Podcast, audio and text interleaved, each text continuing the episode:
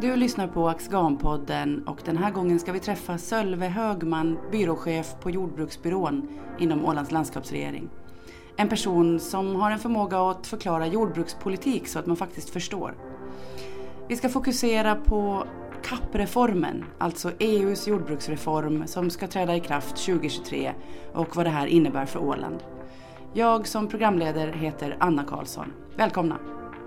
Det handlar ju om, om det att klimatanpassa det här, att eh, få jordbruket att ta de här stegen som behövs för att hjälpa till. Dels, eh, dels anpassa sig till klimatförändringarna men också vara ett verktyg att, att stå emot klimatförändringarna, att göra, binda kol och så vidare. Jag är Sölve Högman och jag jobbar på eh, Jordbruksbyrån vid näringsavdelningen vid Ålands landskapsregering. Välkommen Selve. Eh, idag ska vi prata om CAP-reformen. Och det kanske alla vet vad det är, men eh, jag är inte helt säker. Jag vet att CAP står för Common Agricultural Policy. Mm, Eller stämmer, hur? stämmer. Alltså det handlar om vår gemensamma jordbrukspolitik inom EU. Ja. Kan du berätta lite mer om eh, vad är CAP? Vad är det som CAP styr och reglerar? Mm. Man brukar ju prata om när man eh, Åland, Finland och politik och behörigheter och självstyrelse brukar man ju eh, gärna prata. Vi håller ju på att revidera en självstyrelselag och då bråkar man lite grann om vems behörighet är det här och vems behörighet är det här. När det gäller jordbruk så kan man liksom luta sig tillbaka nästan och säga att jordbruket det är ju faktiskt EUs behörighet. Så det är Jordbrukspolitiken är reglerad inom unionen och den har den varit väldigt länge. Eh, och eh, CAP då, det är ju innehållet i den här politiken då. Vad, hur ska man eh, genomföra jordbruket på bästa sätt inom Europa? Och ja, den har en lång tradition, har varit med länge. Från början kan man väl säga, eller tidigare kan man säga, 70-80 och kanske lite en bit på in på 90-talet så var ju eh, CAP, det var ju någonting som man skrämde små barn med i princip. Hade väldigt dåligt rykte. Eh, orsaka smörberg, överproduktion. En överproduktion som man gärna eh, dumpade i, i u-länder så att de inte fick igång sin livsmedelsproduktion på ett bra sätt och massa sådana eh, tråkiga saker. Eh, sen har det ända sedan egentligen 1995 börjar man, eller på 90-talet börjar man med ett ganska aktivt reformarbete där man jobbar hårt med att, att eh, eh reformera eh, jordbrukspolitiken. Att göra den bättre eh, och förändra den i sjuårsperioder hela tiden. Då. Och eh, till det vi har eh, idag då, eller den reformen idag, där eh, ja, man kommer lite och lite längre hela tiden kan man säga. Som, som icke varande jordbrukare eller lantbrukare måste jag ju få ställa frågan då. Varför är det så komplicerat med jordbrukspolitik? Ja, alltså om vi går tillbaks till, till, eh, till vad CAP är då, lite, jag kanske ska svara på det också. Den består egentligen av tre delar. Det är inkomstpolitik, det är styrning av marknader och det är landsbygdsutveckling. Så det är tre ben kan man säga. Eh, så det gör ju att det börjar liksom krångla till det hela. Eh, sen är det ju eh, att reglera en marknad och reglera en produktion. Det är liksom att man, det är ekonomi och biologi som ska liksom gå ihop och så har vi väder och vind och det är liksom förutsättningarna för att det ska bli krångligt är, är ganska goda. Eh, det är steg ett. Sen steg två, huvuddelen av CAP eh, finansieras, alltså om vi tar av tre ben som jag sa, eh, inkomststöd och marknadsorganisationer. Så hela den delen eh, finansieras till 100% av EUs budget. Den är i princip EUs budget. Man brukar ju så här, liksom, eh, man brukar ju vara lite sådär raljerande säger att ja, jordbruket har ju hela EUs budget. Men det, det, handlar om att det finns egentligen bara två områden som EUs budget är liksom stor inom. Och det är regionalpolitik till viss del och så är det jordbrukspolitik i synnerhet. Eh, och sen är det löner till administrativ personal i, i, i, i, i Bryssel. Så det är EUs e budget så det är inte så konstigt att eftersom det är det enda område som man har liksom genomreglerat och också finansierar till 100% Och när man finansierar någonting till 100% så är man hemskt noga med att veta att de pengarna går rätt till rätt saker, att man inte finansierar konstigheter hit och dit eller eh, korruption eller sådana saker. Därför finns det ett omfattande system kring det. Ja, för det är ju ganska olika. Förutsättningarna är olika, livet är ganska olika om man driver jordbruk i Finström eller i Andalusien. Eh, finns det några fram och baksidor med att ha ett så här stort regelverk för ett enormt område som Europa? Blir det inte liksom bara en, en ett sammelsurium av olika kompromisser alltihop?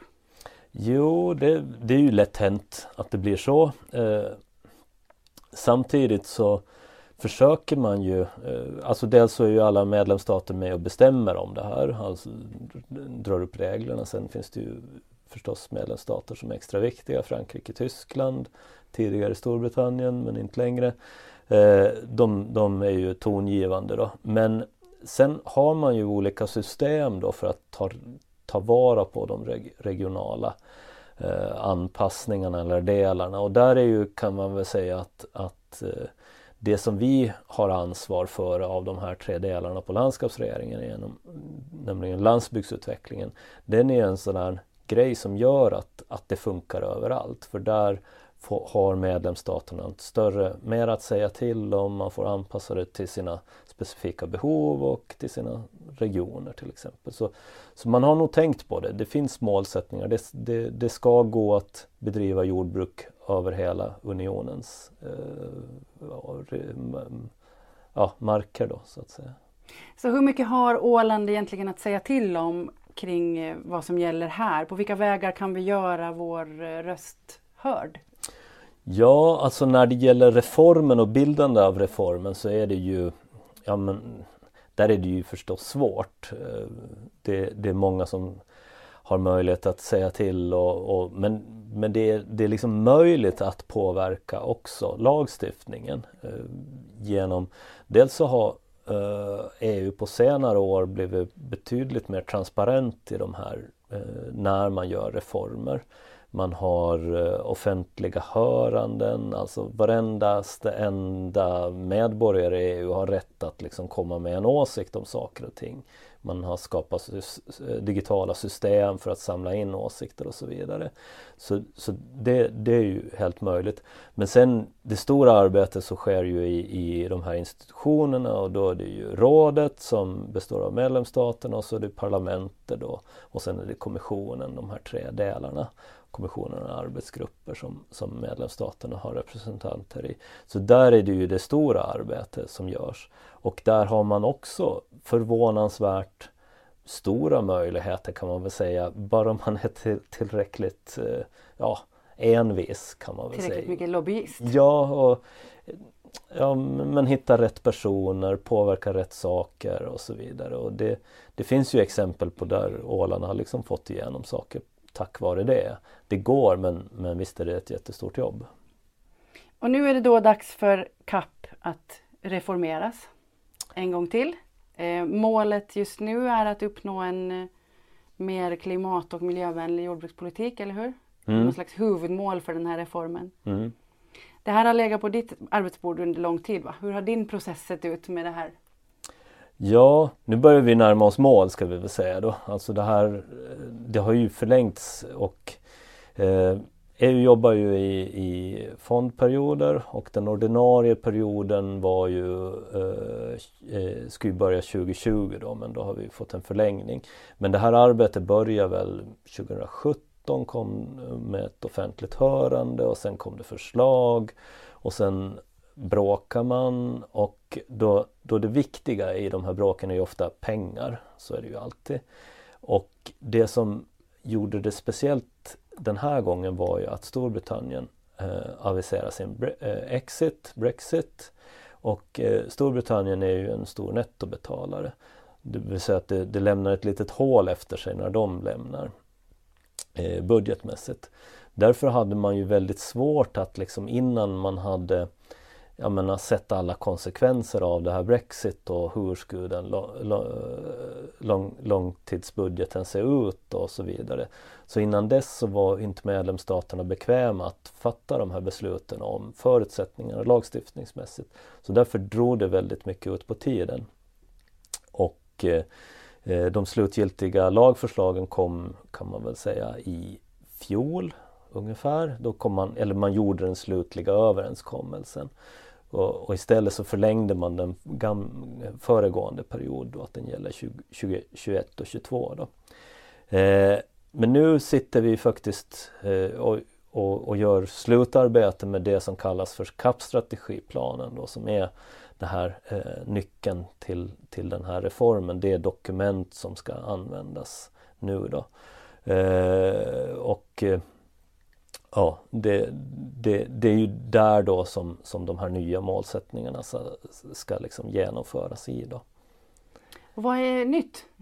Ja, kan man säga. Jag sa ju att... Nu ska du sammanfatta hela CAP-reformen. ja, det är kanske inte Positiva så... förändringar. Ja, inte helt lätt. Men man kan väl säga då att, att jordbrukspolitiken ända, som jag var inne på ända sedan 95 är ganska genomreformerad. Och man kan väl säga att 95 eh, och fram till mitten av 2000-talet då handlade det väldigt mycket om att göra den marknadsanpassad. Alltså att få bort det här med, med överproduktion och, och, och liksom marknadsmisslyckanden och hela den delen skulle man liksom råda bot på.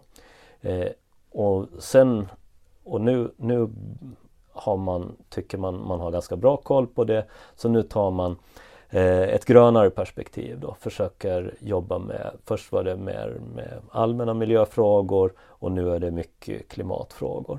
Eh, så det handlar ju om, om det att klimatanpassa det här, att eh, få jordbruket att ta de här stegen som behövs för att hjälpa till. Dels eh, dels anpassa sig till klimatförändringarna men också vara ett verktyg att, att stå emot klimatförändringarna, att göra, binda kol och så vidare.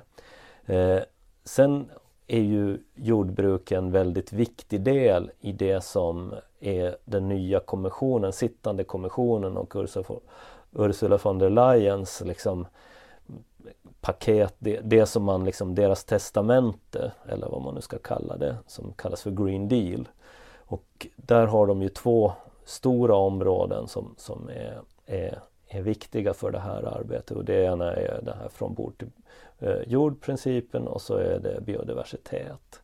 Men i grund och botten så det viktigaste som eh, när det gäller att göra den här politiken grönare så det handlar om klimatet och biodiversitet. Och det är ju aktuella saker. Alltså den minskade biodiversiteten säger man ju att det är i princip ett lika stort problem som klimatet på vissa håll. Reformer går ju sällan eh, okritiserade förbi. Var, var, vad hörs det för kritik och eh, varifrån kommer den?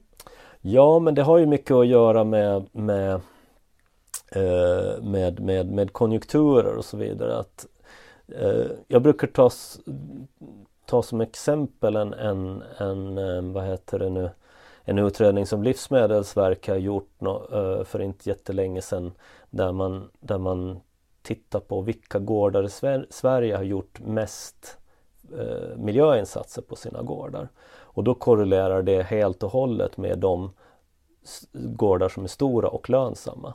Det vill säga att för att vara miljövänlig och jobba miljövänligt så behöver man ha ekonomi i det. Det behöver vara hållbart eh, inom alla områden, det vill säga att man, man har god lönsamhet. Och det som har kritiserats från producenthåll när det gäller Green Deal är ju att det, det minskar konkurrenskraften i lantbruk och därmed minskar möjligheterna att utveckla lönsamheten och i, i nästa steg då så, så, så har man inte råd att vara miljö, ta de här miljöåtgärderna helt enkelt. Att man går lite för långt i de här målsättningarna. Man pratar att man plockar bort bekämpningsmedel som är viktiga för, för eh, konkurrenskraften till exempel i jordbruket och sådana saker har det kommit en del kritik kring. Sen eh, generellt från miljörörelsen så där var ju till exempel Fridays for Future eh, var ju väldigt kritiska och tyckte att den politiken tar alldeles för små klimatsteg. Den, den tar inte alls tillräckligt ansvar. Medan eh, politikerna som för, föreslog den eh, var ju eh, eh, sålde ju in den här politiken som ett stort steg för klimatet. Så det beror lite på från vilket håll man tittar som vanligt.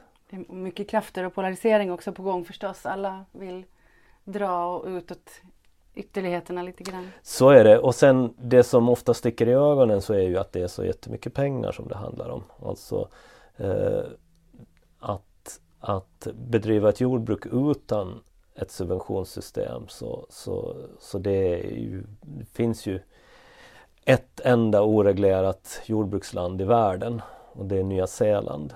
Alla, alla andra det finns så att säga liksom ingen, ingen ren världsmarknad när det gäller livsmedelsprodukter.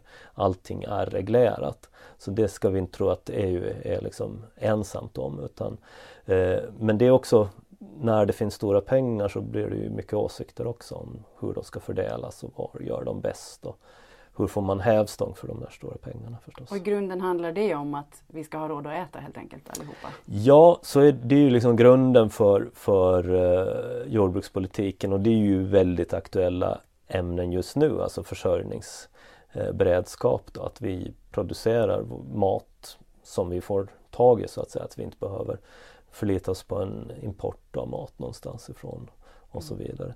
Så det, det handlar ju om att, att producera mat eh, ha en försörjningsberedskap. Den maten ska vara producerad på ett bra sätt, den ska vara säker att äta. Eh, den ska vara, vi ska inte ha förstört eh, vår natur och miljö när vi har, har, har, gjort, eh, har producerat den och den ska vara billig så att alla har råd att köpa den. Så det är ju de delarna som man måste få ihop. Och, och det är därför det är reglerat så mycket? Då, ja. Också. På, eh, vad, vad, skulle man, kan du sammanfatta vad Åland och Finland, vad har man haft för önskemål kring den här reformen som nu ska införas och eh, har man blivit hör, hörd? Har man fått fram det man vill ha sagt? Ja, jo visst har man det. Om man säger det nya i den här reformen som jag kanske var otydlig att förklara, det är egentligen eh, substansmässigt så är det inte jättemycket nytt Alltså det finns eh, de åtgärder som har varit tidigare finns i princip möjlighet att genomföra och, och vi föreslår att genomföra dem. Det som är nytt är den modell som man, man det som man inom eh, EU kallar för the delivery model och, och eh, den gröna arkitekturen. När man, när man försöker eller man har ambition att, att förgröna hela politiken så att säga tidigare var det så att de här inkomststöden och marknadsordningarna, de här två benen, de har liksom levt lite för sig själv och, och eh, sen har man haft ett landsbygdsutvecklingsdel med miljöstöd, och olika stöd som, som ska liksom kompensera för det här. Eh, nu har man, har man försökt binda ihop det här att allting är en helhet och allting jobbar mot samma mål. Och eh, då har man byggt en så, så kallad, eh, ja men någon slags behovstrappa för det här. Där, där man möter eh, de här olika behoven eller kraven när det gäller att göra en grönare politik. Det, det börjar där med inkomststöden där man ställer större krav på hur, hur odlaren ska, ska göra för att få de här stöden och hur han ska producera för att det ska vara bra. Då. Och sen jobbar man vidare i, i de här olika åtgärderna som finns. Och sen längst upp där i trappan så där finns de åtgärder som vi har behörighet för. Eh, landsbygdsutvecklingen med, med miljöstöd och så vidare. Så det är väl det som är den stora skillnaden att kanske när man tittar på vårt program så ser det ut som det kanske är lite urvattnat och det har att göra med att mycket av de miljöåtgärder som vi har finansierat och stimulerat i vårt eh, miljöstöd de har flyttats neråt i den här trappan och eh, gäller för alla stöd istället för bara, bara våra, våra miljöstöd så att säga. Just det. Så vad, hur kommer man att märka det här på Åland? Dels som lantbrukare kanske också som i slutändan så handlar det ju om mat det här så att det är ju också hemma på mitt bord som det kommer att märkas. Mm. tror inte att man märker det jättemycket på, hemma på bordet faktiskt. Vad skönt. Ja, eh, det, är ju, det, det, finns förutsättningar för det mesta av produktionen fortsatt. Eh, förhoppningsvis så, så blir det lite enklare för lantbrukarna, enklare att göra sina ansökningar. Eh, vi har försökt föreslå lite enklare system, lite mindre mm, komplicerade regler. Eh, och det är också en målsättning i de här reformerna, det vill säga att man vet om att det är byråkrati. Jag brukar kalla jordbrukspolitiken för kungen av byråkrati med, eftersom det är liksom så mycket eh, uppföljning och regler och det är mycket stress med det där också. Att det blir stora konsekvenser om man gör fel. Alltså att man kan förlora halva sin inkomst i princip om man gör fel, vilket förstås känns eh, fruktansvärt jobbigt. Eh, men allt det här så tror vi att, att eh, dels genom att vi försöker göra förenklingar i regelsystemen men dessutom hela tiden utvecklar bättre digitala system så att det ska vara lättanvänt och enkelt för lantbrukarna att söka om de här stöden och också ha koll på vad man gör eh, i, i, i, sina odlingar. Då. Så lantbruket digitaliseras kan man säga i smån mer och mer? Ja, det, det är ju många som är långt där eh, redan tidigare men eh, det är liksom men, men eh, absolut så, så, så det är också en utmaning att de här eh, stöden och det är också krav från, från EU eh, eh att vi ska ha digitaliserade system, vi ska kunna kommunicera med, med lantbrukarna via de här systemen. Att det, det, ställs ganska mycket krav på oss att vi ska klara av att leverera de här systemen och det är förstås utmanande men det är nog till gagn för lantbrukarna.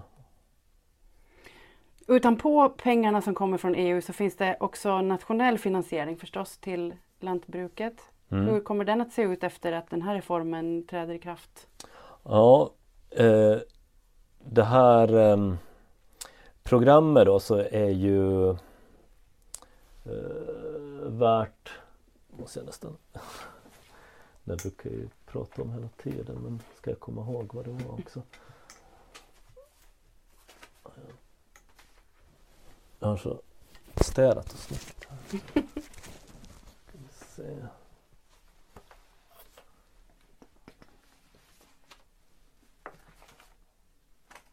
Ja, där.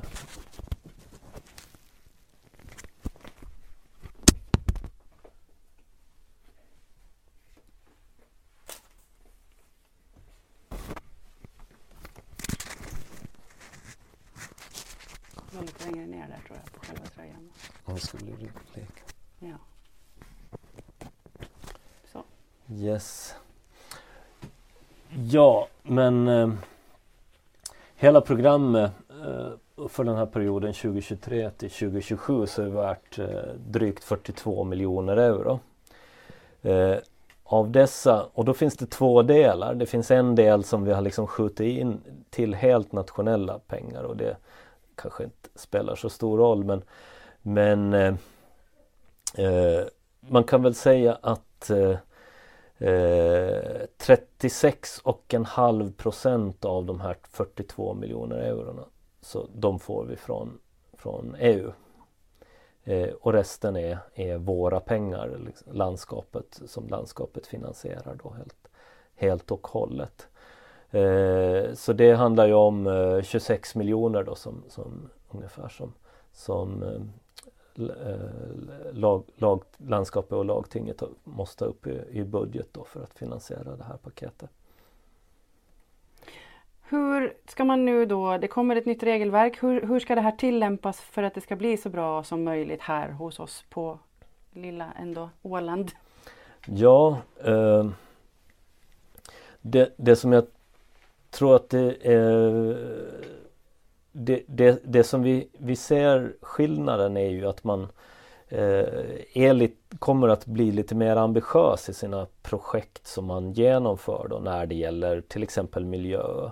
Alltså om vi, om vi ska jämföra en, en skillnad hur det har varit tidigare då så, så har det varit ganska generella miljöåtgärder. Och de eh, de kommer att minska. Nu kommer det vara mera, mera projektinriktade miljöåtgärder. Vi kommer att finansiera olika projekt som, som, eh, som liksom stimulerar, ger råd till, till eh, miljöprojekt och så vidare. Eh, men sen när det gäller att, att genomföra programmet i sig så, så tror jag att vi har en ganska bra struktur just nu. Det vill säga att det, det finns bra rådgivning, det finns eh, eh, Eh, bra, bra lantbrukare och eh, vi är ganska snabba att ta beslut. Att det, det blir inga långa väntetider när, när folk vill göra saker. Det som är viktigt för vår del så är ju att vi blir duktiga på att informera om möjligheterna som finns i programmet. Att, att eh, folk verkligen tar vara på de här pengarna som finns att söka, att man genomför projekt och att det finns den här entreprenörskapet och viljan att utvecklas. Och, och det är liksom avgörande. Det är alltid, det är alltid producenterna som är, är det viktiga i det här. Att, att de är med på banan och att det förstås finns en marknad och en bra, bra, bra förutsättningar för att odla livsmedel är ju förstås också viktigt. Men det gör det. Det råder ju ändå en ganska frisk anda bland jordbrukare idag på Åland, eller? Ja, alltså det gör det. Ja, det tycker jag. Det har ju varit en väldigt stark period, alltså konjunktursmässigt. Det har varit stor efterfrågan på livsmedel. Eh, pandemin har inte alls slagit särskilt hårt mot livsmedelsproduktionen, snarare det motsatta. Att, att eh, när man konsumerar mat hemma i större utsträckning än, än äter på restaurang så, så då är, är det där valet i butiker blir viktigare och lättare, det vill säga att man köper lokala produkter.